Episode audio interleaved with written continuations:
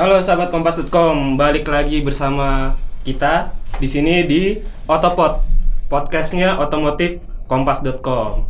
Sekarang kita berdua, biasanya berempat, editor-editor. Sekarang kita, kalau nama gue Gilang dan ini rekan gue Doni, Doni dan kita akan ngebahas apa nih Don? motor yang lagi booming belakangan ini yaitu Kawasaki Ninja ZX 25R. Kiu kiu, apaan tuh? Motor 250 cc, motor sport full fairing, cuman yang bikin hebohnya karena mesinnya udah 4 silinder, Tapi dua setengah, 250 cc. itu baru. Baru banget. Sebenarnya sih nggak baru banget. Buat di dunia roda 2 motor sport 250 cc 4 silinder udah ada di tahun 80-an kali ya waktu ZX R250 terus juga dulu ada CBR juga pernah ngeluarin juga Jadi sebenarnya baru apa? Kagak sih. Modelnya nggak bukan model sih maksudnya trennya nggak baru-baru banget Hmm. cuman emang produknya baru Oh, jadi sebenarnya kalau untuk mesin tuh udah developnya udah lama ya maksudnya itu udah dari tahun 80-an udah ada. udah ada Cuma trennya menurun. trennya menurun mungkin karena costnya kali ya mempertimbangkan cost Hmm. baru sekarang pengen bikin gerakan lagi kali ya begitu di saat Hmm. motor sport nih lagi trennya lagi turun Hmm. baru ngeluarin lagi nih 4 silinder Dia sendirian ya? sekarang ini sendirian nggak ada pemain yang lain jadi yang lain tuh cuma dua silinder doang ada juga satu silinder kayak Honda CBR 250 RR itu juga Hmm. dua silinder terus juga Yamaha R25 juga dua silinder Hmm. Suzuki Suzuki nggak ada Terus nggak ada. Oh, KTM. KTM RC 250 juga satu silinder Satu silinder. Satu silinder Nah, ini Ninja ada juga kan yang satu silinder. Ninja ya Ninja 250 SL yang namanya ganti-ganti mulu tuh dari dulu Ganti-ganti gimana? kan dulu sempat RR Mono Oh, sekarang SL mono. SL SL 50 ya 250 SL itulah pokoknya Oke. Nggak pakai N ya? nggak tahu Iya, iya. Sekarang apa sih Don yang menarik dari itu ZX25R itu? menarik karena karena apa ya? Karena menurut gue ya Hmm. itu udah kayak moge banget. Jadi buat buat yang suka motorsport terus juga mungkin do pengen naik eh, kelas ke strata moge terus tapi duitnya juga nggak yang gimana gimana banget. Maksudnya mungkin duit pas-pasan tuh gimana ini Ninja 2 Ninja 254 silinder ini udah pas banget sih menurut gue karena harganya cuman yang tipe standarnya cuman 96 juta Anjing, pakai cuma tuh ya. iyalah Oke. Terus juga yang special editionnya Hmm. yang ABS Hmm. 112,9 juta. On the road Menurut menurut Jakarta Jakarta dan sekitarnya. dan ya sekitarnya. Tapi ngomong-ngomong soal moge nih, tadi kan lu bilang soal moge. Hmm. Emang definisi moge tuh di Indonesia tuh gimana? Nah Apa? ini juga jadi Kalau lu bilang moge banget, patokannya apa? nah ini dia banyak yang bilang ini termasuk moge, banyak juga yang bilang bukan moge. Cuman kalau misalkan kalau di sini kan definisi moge yang berkembang kan Modal gede. modal gede, nggak ada motor gede. Oh, Jadi kan moge di sini kan banyak yang bilang tuh minimal 400 cc. kata siapa Di- tuh? Lu Kata komunitas, komunitas mana nih? Komunitas moge kan Iya betul. Eh, Siap, siap, siap, siap, siap, siap, siap. Atur, atur, atur. HD Honda dulu. Oke. Jadi- Nah di sini tuh yang banyak berkembang kan eh, minimal tuh 400 cc. Tapi Hmm. ada juga yang bilang eh, begitu udah 250 cc kan udah kena PPNBM. Terus banyak yang mengaitkan dengan moge itu barang mewah. Jadi begitu yang udah kena pajak barang mewah ya disebut moge juga. Yang motor 310 eh, BMW G310R itu juga dari banyak menyebut dengan moge juga. Oh, karena bilang- dua di atas dua setengah ya. Ah, ada juga yang bilang minimal 500 cc, ada juga yang di atas 1000 cc. Hmm. Tapi kalau di Jepang, Hmm. setahu gue dia itu mengklasifikasikannya berdasarkan horsepower. Apa? Jadi di atas 35 horsepower itu baru bisa dibilang moge.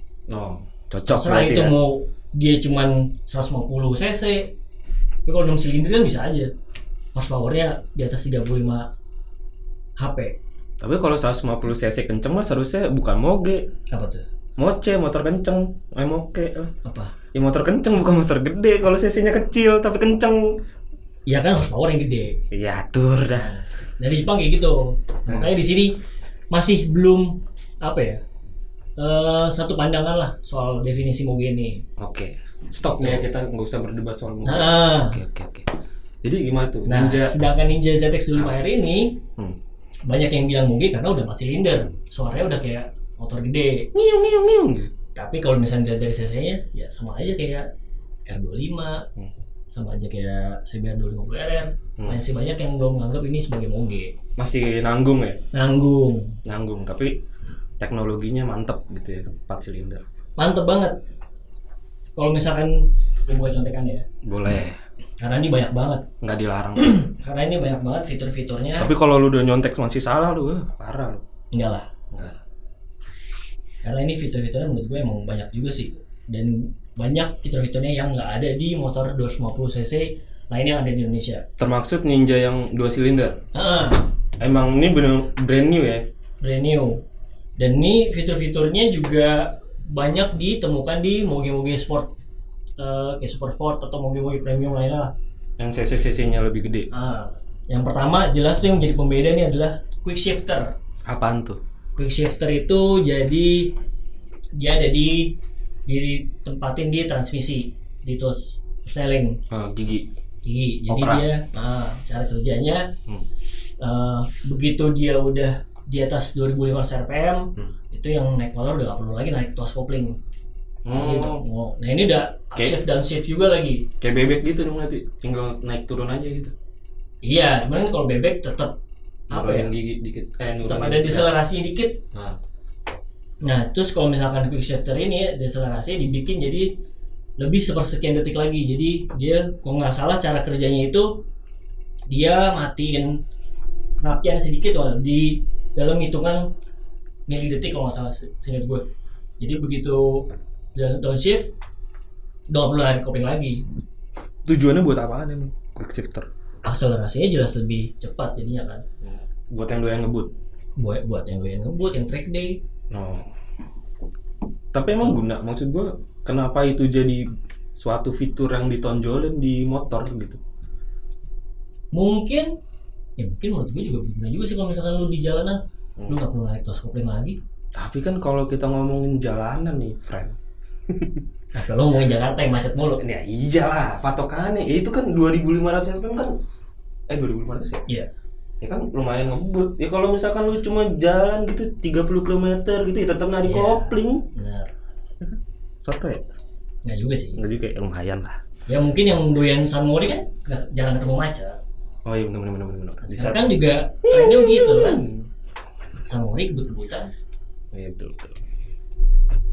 terus fitur berikutnya yaitu quick shifter itu juga Hmm. itu pun juga cuma ada di varian eh tipe yang di special edition doang Oh yang 112 juta itu. ah 112,9 juta itu Yang lu bilang cuma itu. Yoi. Terus selain quick shifter, ada lagi traction control. Oke. Nah ini juga nggak banyak yang punya traction control. Masa banyak ah? Moge-moge doang punya banyak kan. Jadi ini setengah moge, apa moge?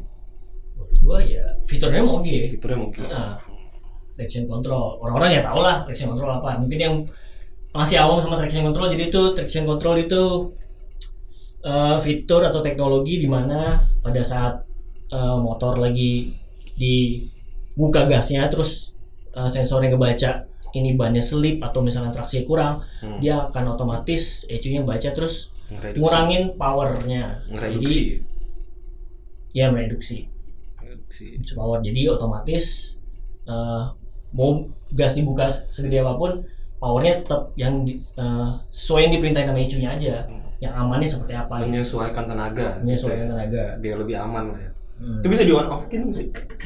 nah kerennya di kan ini namanya di Kawasaki disebutnya dengan KTRC Kawasaki Traction Control jadi dia ada eh, tiga pilihan traction control terus juga bisa di off juga Oh. itu itu juga salah satu pembeda juga di antara motor 250 cc lainnya kan Hmm, hmm, hmm. Nah, Don, kalau itu kan fiturnya. Sekarang main course-nya nih, mesinnya gitu. Dua silinder, eh dua silinder, 250 cc, empat silinder. Hmm. Sebenarnya bedanya apa sih sama yang Ninja dua silinder gitu?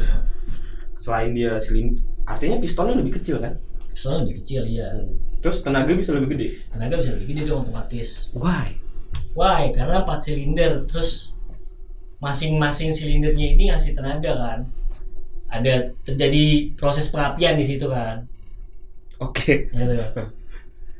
dan kan dia satu siklusnya itu kan berarti kan 720 derajat tuh Hmm.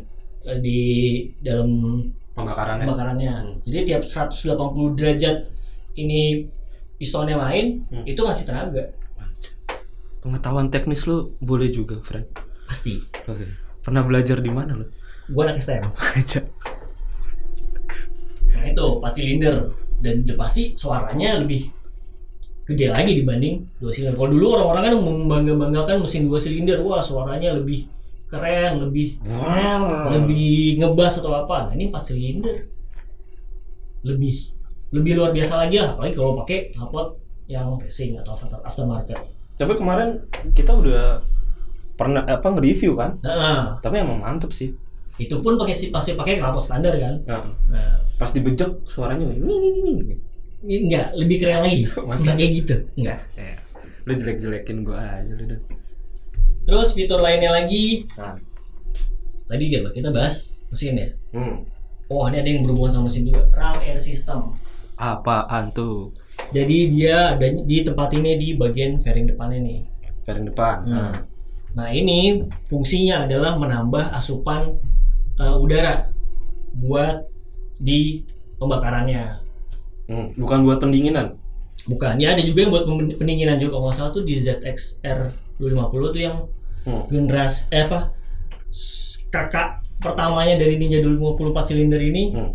itu dia kalau nggak salah dari RAM air system itu dialirin ke kiprok kalau nggak salah jadi Hmm. buat dinginin kiproknya nah Hmm. kalau ini buat masuk dialirin ke mesin jadi nambah nambah apa ya nambah udara Oh, nambah asupan oksigen. nambah asupan oksigen Emang oksigen emang tujuannya buat ningkatin performa berarti. benar Bukan buat pendinginan doang Hmm. gitu. Oh. dan ini pun bekerjanya di atas 100 km per jam Di atas cepet. di atas cepet minimal cepet lah Kalau nggak pernah bawa cepet, nggak kerja tuh. nggak akan kerja dan dan di spesifikasi yang dirilis sama Kawasaki juga kan Hmm. berbeda nih dengan RAM air system yang nggak aktif sama yang aktif yang aktif itu cuma 50 PS itu kalau dikonversi ke horsepower tuh kalau nggak salah 49,3 Hmm. nah sementara kalau airnya aktif. Aktif dia nambah satu horsepower satu tenaga Oh, kuda satu tenaga kuda itu lumayan iya lah ngalahin kuda lu coba Nah. lari. satu kuda itu Emang tenaganya berapa sih dan kalau yang bedanya yang antara 4 silinder sama 2 silinder? Kalau yang 254 silinder itu kan dia 50 PS tuh yang tanpa RAM air yang aktif. Terus Lima- kalau eh, misalkan, 50 PS itu 49 komaan. Ah. nah kalau misalkan yang dua silinder itu dia cuma 39 PS. Ya bedanya jauh juga ya, Main 11. hampir ya di atas 10. Makanya harganya jauh juga. Makanya harganya jauh. Terlepas dari fitur-fiturnya yang emang juga istimewa. Terus juga dibandingin sama moge-moge lain, Hmm. merek-merek lain nih, Hmm. sebut aja kayak KTM RC 390. Nah, Kan jelasin bedanya nih. Yang satu hampir 400 cc, yang satu cuma 250 cc. tapi RC satu silinder. Tapi RC satu silinder. Nah, Ini sekalian ngebuktiin juga bahwa sebenarnya tuh kapasitas mesinnya itu nggak penting. Bisa Hmm. bisa dibilang nggak penting karena hmm, hmm. ada lagi yang ada lagi yang eh, menentukan yaitu jumlah silinder. hmm. Nah, kalau misalnya dibandingin sama KTM RC 390, Hmm. dia itu tenaganya cuma ada di angka 42 horsepower. Lu malah kalah ya. Ha, malah kalah. Kalau cc-nya gede ya. Padahal cc-nya lebih unggul. 400 ya. Nah, Ya kan? tapi silindernya cuma satu. Oh, Nah, ada lagi apa? yang cc-nya dua kali lipatnya, Tapi 500 cc. berarti. 500 cc. Ah, Tapi jumlah silindernya setengahnya, dua silinder. dua silinder, yaitu CB Honda CBR 500R. Ah, berapa tuh dia tenaganya? Dia tenaganya sebenarnya nggak jauh beda kalau misalkan dibandingin sama yang standar. Hmm. Kan yang standar Ninja 250 yang standar kan, eh Ninja 254 silinder yang standar, hmm. dia itu 50 PS. Nah, Jadi kalau misalnya dikonversi ke horsepower 49,3 kalau nggak salah. hmm. Nah, CBR 500R ini Hmm. dia horsepowernya 49,6 cuman unggul 0,3 horsepower tapi kalau misalkan yang ZX 25R RAM R nya aktif kalah. jadi 51 PS jadi lebih unggul Padahal silindernya setengahnya. ah Hmm. Terus? Silindernya ya itu juga membuktikan kan jadinya jumlah silinder itu juga membuktikan kalau misalkan tenaganya juga bisa lebih gede dibandingkan sama yang kapasitas silindernya dua Iya. kali lipatnya. Paham paham gue. Jadi banyak-banyakan silinder itu memang berpengaruh juga. ya? Memang berpengaruh. Nah, Cuman tapi kan harganya, Bre. nah itu dia pertimbangannya kalau misalkan silinder banyak ongkos produksi juga jadi lebih banyak, jadi lebih gede. Kalau CBR itu berapa? Berapa duit? CBR 160 jutaan, 160 juta itu 160 100 juta. Wah, tetap jauh ya. Tetap jauh dan itu pun dia Bisa 40. nggak punya quick shifter, Hmm. ya kan? Hmm, hmm, hmm. Terus juga Kalau dia udah masuk moge tuh ya, udah itu kan udah mau kan udah 500 cc, modal gede. modal gede.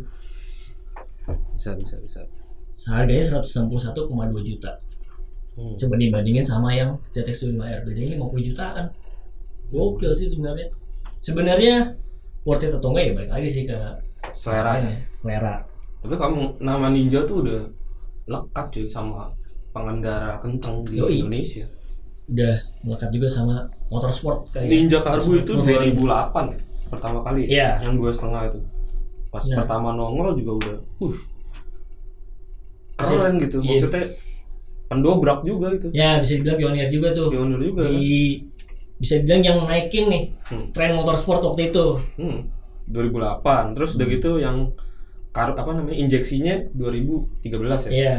Itu juga mantap habis itu. Honda ngikutin ngeluarin CBR 250R masih satu 2000. silinder. Oh, iya yang Thailand ya. Nah, itu pun juga CBU Thailand. Hmm. Mahal friend itu kan. Parah. Spare Dan sekarang partnya. juga jadi collector's item kalau salah. Iya. Yang matanya masih belum kan. Nah, Juga. bisa nanti. Nah, cuman menurut gue yang dari ZX25R ini Hmm. dari desainnya sih, Kenapa tuh dia? Kayak sama-sama aja Nah. dua silinder. itu dia. Kenapa tuh? Nah itu dia jadinya kayak nggak ada pembedanya banget. Oh. Orang bener-bener mesti jeli ngeliatnya. Oh ini Hmm. mungkin selain dari dengar suaranya, Hmm. orang masih jadi mesti jeli juga ngeliatnya. Oh ini bedanya yang dua silinder sama empat silinder. Oh. Karena eh, secara skema desainnya mirip-mirip. Bahkan sama yang ZX6R pun mirip. Oh. Iya lampu depannya sih sama Nah, juga rada mirip tuh. yang itu Z. dia. Tapi kan justru tujuannya mungkin itu dong. Jadi orang jadi lebih kepo di jalan. Ini dua silinder empat silinder ya gitu. Oh iya. iya. Jadi. Atau ya, mungkin itu alasannya. Stikernya lu gede-gedein kalau lu emang pengen pamer banget gitu. Oh. Ninja 4 silinder tambahin stikernya tuh biar orang tahu. Yang full print gitu ya, 4 silinder, 4 silinder, 4 silinder, 4 silinder. Bisa. Kayak- Tapi emang kalau menurut gue sih beda tipis lah sama yang ini ya apa sama yang dua silinder ya walaupun pasti perhatiin juga agak beda tuh yang depannya terus Iya. ada shark fin-nya gitu kan Hmm. samping-sampingnya lebih detail emang. Ya emang harus dilihat lebih detail. Dan Bodinya juga lebih gemuk don sebenarnya. ya kalau misalnya dari depan jelas dimensinya lebih lebar. Terus juga dari bannya juga ketahuan sih. Kenapa? Ya kali orang Bannya lebih bilang. lebar. Bannya lebih lebar. Ya tapi pengendara kita bannya lebar-lebar kan. Ya, emang orang sini doyan ganti. Iya, ban. bannya gede-gede udah kayak 1000 cc. Gede-gede. Kira-kira beloknya gimana tuh? Kalau belok, Hmm. kalau belok lagi dipakai nikung atau lagi macet nih? Beda ya. Beda lah. Kalau macet belok ya bukan. macet itu dia tuh motornya lumayan berat jadinya kan empat Iya, silinder bener. kayak gitu jadi bedanya sama yang dulu tuh ZX-R 250 tuh kalau nggak salah singkat gue dia frame-nya tuh dari alloy nggak salah. Jadi nggak nggak terlalu berat-berat banget. Dan itu pun juga bahkan masih banyak yang bilang berat.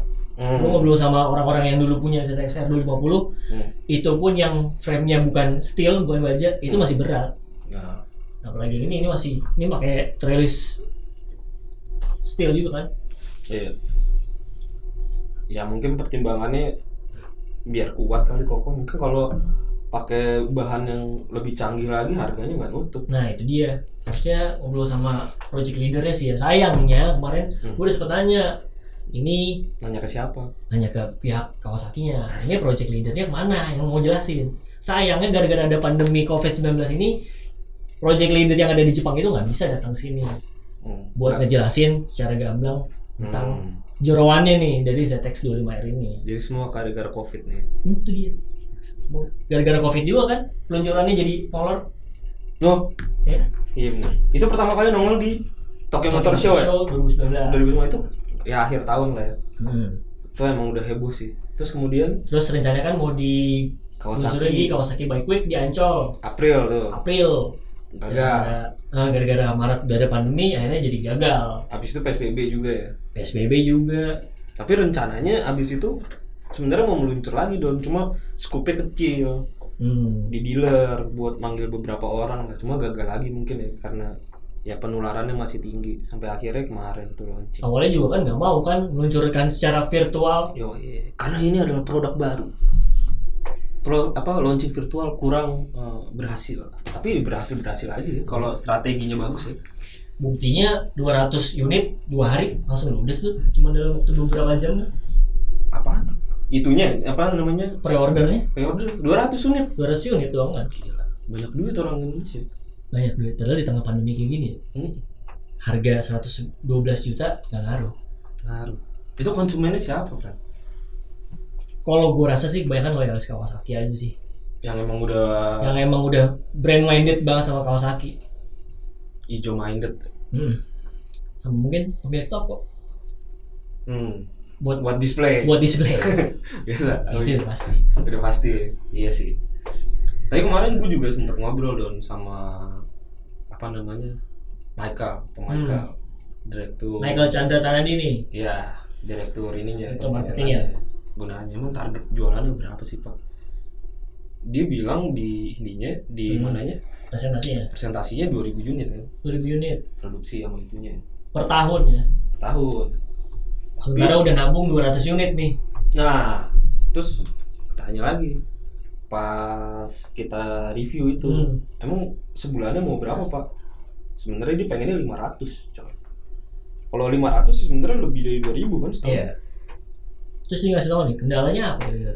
Hmm? Terkendala apa? Akhirnya bisa sampai realistis aja 2000 unit per tahun. Enggak Apa gara-gara aktivitas di pabrik mungkin ya? Jadi ya, dikurangin karena pandemi covid. nggak segamblang itu sih tapi ya gue rasa ya masalah harga juga kan Nggak salah lagi. tetap Ya. ya. mungkin pengenalan pertamanya nih kalau emang misalkan barangnya bagus diterimanya bagus gitu ke depan ya kan ba- apa ada di jalan orang lihat kan banyak juga don orang yang ikut-ikutan kan banyak Hmm. juga melihat di jalan wah keren nih gue harus punya nih Ya, berapa sih gitu gitu baru mungkin permintaannya bisa ditambah gitu Meningkat perlahan lah ya pasti ya. iya seperti itu Tapi tergantung juga kan dari Hmm. warisnya nih. Coba lo lihat awal-awal kemarin sih 200 unit eces banget belinya. iya cepet banget. Nah dari dari kemarin itu juga banyak akhirnya yang optimis nih. Ini motorsport trennya bakal naik lagi. Hmm. Gitu. Salah satunya kemarin gue ngobrol sama eh Ko Freddy Hmm. dari Ultra Speed. Hmm. Dan dia bilang ini kayaknya sih bakal naik lagi nih permintaan kayak Echo gitu, Oh. Echo Racing atau piggyback. Hmm, hmm.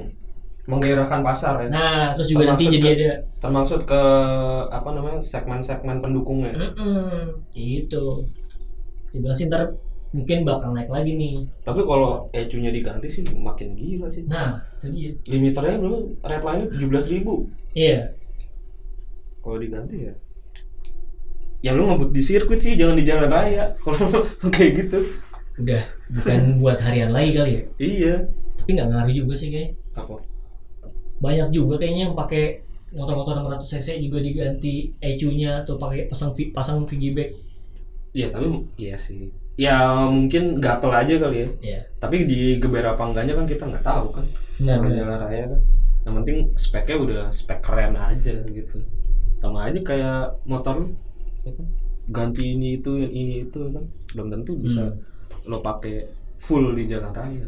Ya tahu juga cuman kepuasan batin dari pemiliknya aja pengen gonta iseng gonta ganti. Nah itu. Bahasa lo bagus tuh lu wartawan ya? Bahasa lo bukan. Oh, bukan gue jurnalis asik atur nah tadi salah satu fitur yang gue lupa nih Oh. dia ada riding mode oh Kalau di Kawasaki ini bilangnya power mode nah, kalau riding mode mah banyak ya nah ini bilangnya power mode karena karena menurut gue jelas kelihatan bedanya Hmm. dia ada low ada full hmm. Jadi kalau yang low itu kalau misalnya digeber dia tuh RPM-nya kayak nahan, lebih berat lah istilahnya. soalnya tenaganya tuh cuma 70% Ah. dari yang full Dari potensi mesinnya. Hmm. Sementara kalau misalkan modenya dipindahin ke yang full, Hmm. itu bisa nyentuh sampai red line-nya sampai 17.000 tapi RPM itu. riding mode cuma dua ya cuma dua full sama low Kalau CBR CBR dia ada tiga kan? tiga maksudnya ya kan? Don, ini ZX25R produksi mana sih? nah, kemarin kan sempet tuh waktu pas belum peluncuran kan Hmm. banyak yang eh, menduga-duga ini buatan mana ini buatan mana Hmm. kalau pelek waktu itu kelihatan jelas tuh dia ada cetak embossnya tuh made in Indonesia Yang itu ya, yang versi racingnya itu yang pakai Ah. karbon itu ya. nah Ah. Nah, cuman kemarin gue ngobrol sama Bang Michael ini, Hmm. dia juga bilang apa? Ini sistemnya CKD, jadi nggak seluruhnya diproduksi di Indonesia. Ada beberapa komponennya, meskipun dia nggak bilang secara jelas apa aja, tapi dia bilang ada beberapa yang diimpor. Impor rakyat sini. Hmm. Jadi belum ketahuan nih TKD-nya berapa nih, Hmm. tingkat kandungan dalam negerinya. Itu sih. Cuman kalau misalnya kita mau tarik simpulan nih, Ah. worth it atau enggak sih beli motor 250 cc 4 silinder menurut gue sih worth it karena eh, mempertimbangkan dari fiturnya Hmm. fiturnya ini udah fiturnya nggak ada di motor 250 cc 2 silinder atau satu silinder lainnya kan Hmm. terus juga powernya udah setara sama Moge yang kayak tadi tuh 400 cc atau 500 cc Hmm. Itu sih menurut gue worth it sih. Apalagi buat yang loyal Kawasaki banget ini. Hmm. bisa jadi motor koleksi mungkin. Mungkin beberapa tahun lagi mungkin puluhan tahun lagi bisa jadi kayak ZXR 250 yang akhirnya malah dicari-cari orang kan? Karena jadi barang rare. Iya, tapi nunggu puluhan tahun itu kalau masih hidup lu. nah itu dia. Banyak juga waktu itu yang gue ngobrol sama komunitas. Banyak yang nanya. Banyak yang penasaran. Hmm. ini nantinya kalau misalkan di jalannya di jalanan udah banyak Hmm. akan tetap kelihatan istimewa nggak tuh Dilema motor keren tuh ya. nah terus Kalau udah pasaran harga ya. secondnya berapa Ya tetap mahal. tetap mahal pasti.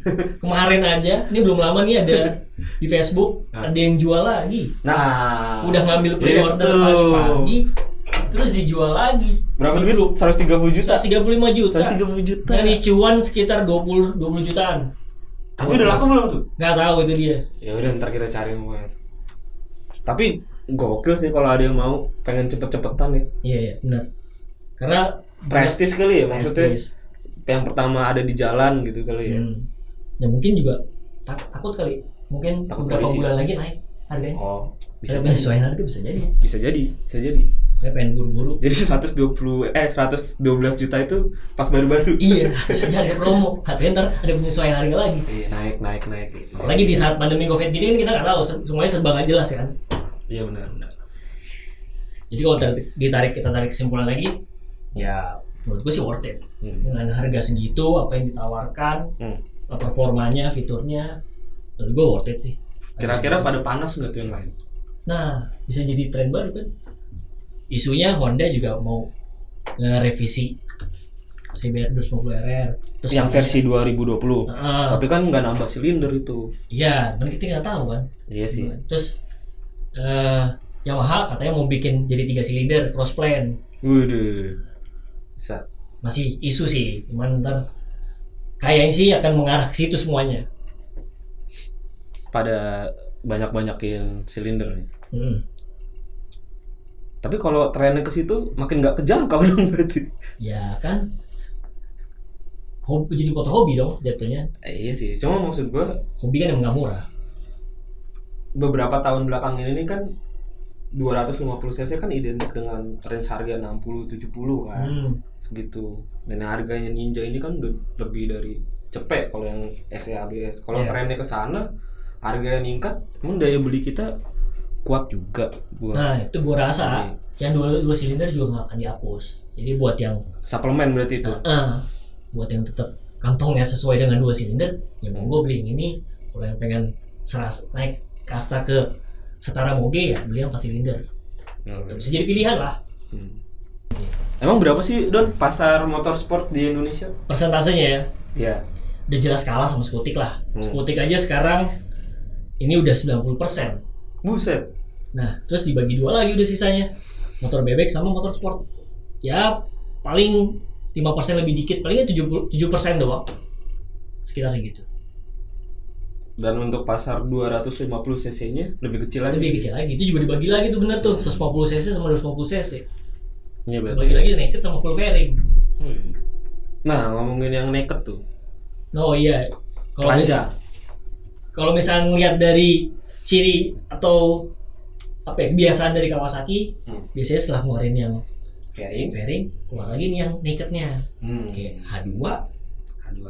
keluar lagi ZH2. Ya. Dulu Ninja 250 juga keluar lagi Z250. Z250. Nah, kapan nih kira-kira Di tengah rai. hmm, Z250 4 silindernya ini akan meluncurkan juga? Tapi kalau di Indonesia lebih laku yang naked apa yang full fairing? Full fairing sih kalau untuk Kawasaki ya. Karena gue bisa lebih banyak lihat yang full fairing. Hmm. Soalnya data penjualannya juga nggak ada Nggak ada dari dari IC. IC. Hmm. Nggak bisa dilihat tuh. Dulu kan bisa dilihat tuh. Hmm. Siapa pun bisa akses itu. Kalau sekarang udah restricted, Apa tuh? terbatas. Wis. Bahasa Inggris tuh bagus. Gue dulu sekolah di luar, Oh, iya. luar kelas. Si baru. Jadi gimana Don? Kalau kita ngomongin ZX25R yang keunggulannya dan kelemahannya. Oh plus minus kita ini bicara sekarang ya. Kayak obeng, keunggulan dan kelemahan. Iya, oke. Keunggulan kelemahan. Keunggulannya eh, jelas fiturnya Berlimpah. berlimpah. Terus juga yang doyan ngebut-ngebutan juga powernya luar biasa, Terwakili ya. terwakili. Minusnya ya mungkin harga kali ya. Hmm. Orang yang cuma kantongnya cuma pas duit 250 cc udah ngarep nih Hmm. mungkin harganya 60 60 jutaan ternyata harganya sampai 100 jutaan Nah, kalau buat kaum mending gimana? Kaum mending. buat kaum mending mesti gimana Mending ini dah, mending itu dah. kaum mendang mending ya Iyalah, wah itu berpengaruh juga di ini tetanan otomotif kita Benar, kalau benar. mending mending wah mending ini friend katanya mending ini mending ini tetap ngaruh kalau kalau mau banding bandingin ya nggak bisa dibandingin sih menurut Wih. karena dia mainnya sendirian. Uh, untuk sekarang ini cuman 250 cc 4 silinder cuma Kawasaki itu doang. Nggak bisa dimending mendingin nggak bisa dimending mendingin lu belum ada membanding yang apple to apple gitu. Apaan tuh itu tuh Ya, Apple se- bersama Apple. apple sama apple. Apple ke apple. Sejajar gitu. sejajar. Ta- takutnya nih teman-teman kita bahasa Inggrisnya nggak sebagus lu. Oh sorry. Sorry guys ya nah terus itu keunggulannya tuh keunggulannya Nah. kelemahannya nah nah itu tadi selain harga harga Harganya. ah, mendang mending mendang yang mending mending Nah, bikin orang jadi banding bandingin yang lain kan nah. padahal mah kalau misalnya urusan kantong ya pribadi terus eh Dar. Dar. Dar. Apa? nggak ada kurangannya apa ya kurang harga doang sih Kurang harga dong. harga doang menurut gua Udah harga dong ya. iya karena belum karena belum ngerasain juga gimana motornya jadi belum bisa bicara banyak lah kalau misalnya dari Hmm. spek di atas kertas ya udah ketahuan Hmm. dan juga nggak bisa dibandingin juga sama yang lain yang lain nggak apple to apple nggak satu dua silinder satu empat silinder susah ngebandinginnya Ya, ya. jadi mungkin untuk mau tahu gimana kekurangan dan kelebihannya lebih jauh ya harus ngerasain sih sebenarnya Tapi akan kan kita. Ada liputannya kita ngerasain ya. ada ada nanti kita akan publish juga videonya Yoi. Di mana? Kompas.com. Jadi di jangan YouTube Kompas Otomotif Kompas oh ya YouTube Kompas otomotif. Ya. Jadi jangan lupa tuh ya ditonton, dipantengin, dibaca. Ada Benar. reviewnya. Nah, jadi segitu aja nih teman-teman apa pemirsa Otopot dari podcast Kompas Otomotif. Eh, segitu dulu kita bahasnya ZX25R. Nanti kalau ada motor yang lain bakal kita bahas Hmm. juga. Ke depannya semoga bakal lebih sering ketemu kita berdua pasti atau berame-rame dengan para editor. bisa berapa orang tuh berarti Wow, rame. Satu kompas.com. Rame. Penuh ruangannya. Teriak-teriakan dong ntar berebut mic berebut mic Udah udah tutup oke aja. oke Nah, segitu dulu nih, teman-teman. Ya, saksikan terus Otopod eh, podcast otomotif kompas.com. Jangan lupa buat subscribe, buat like dan komen kalau untuk di YouTube. Terus jangan lupa juga baca reviewnya di kompas.com. Sampai ketemu lagi. Dah.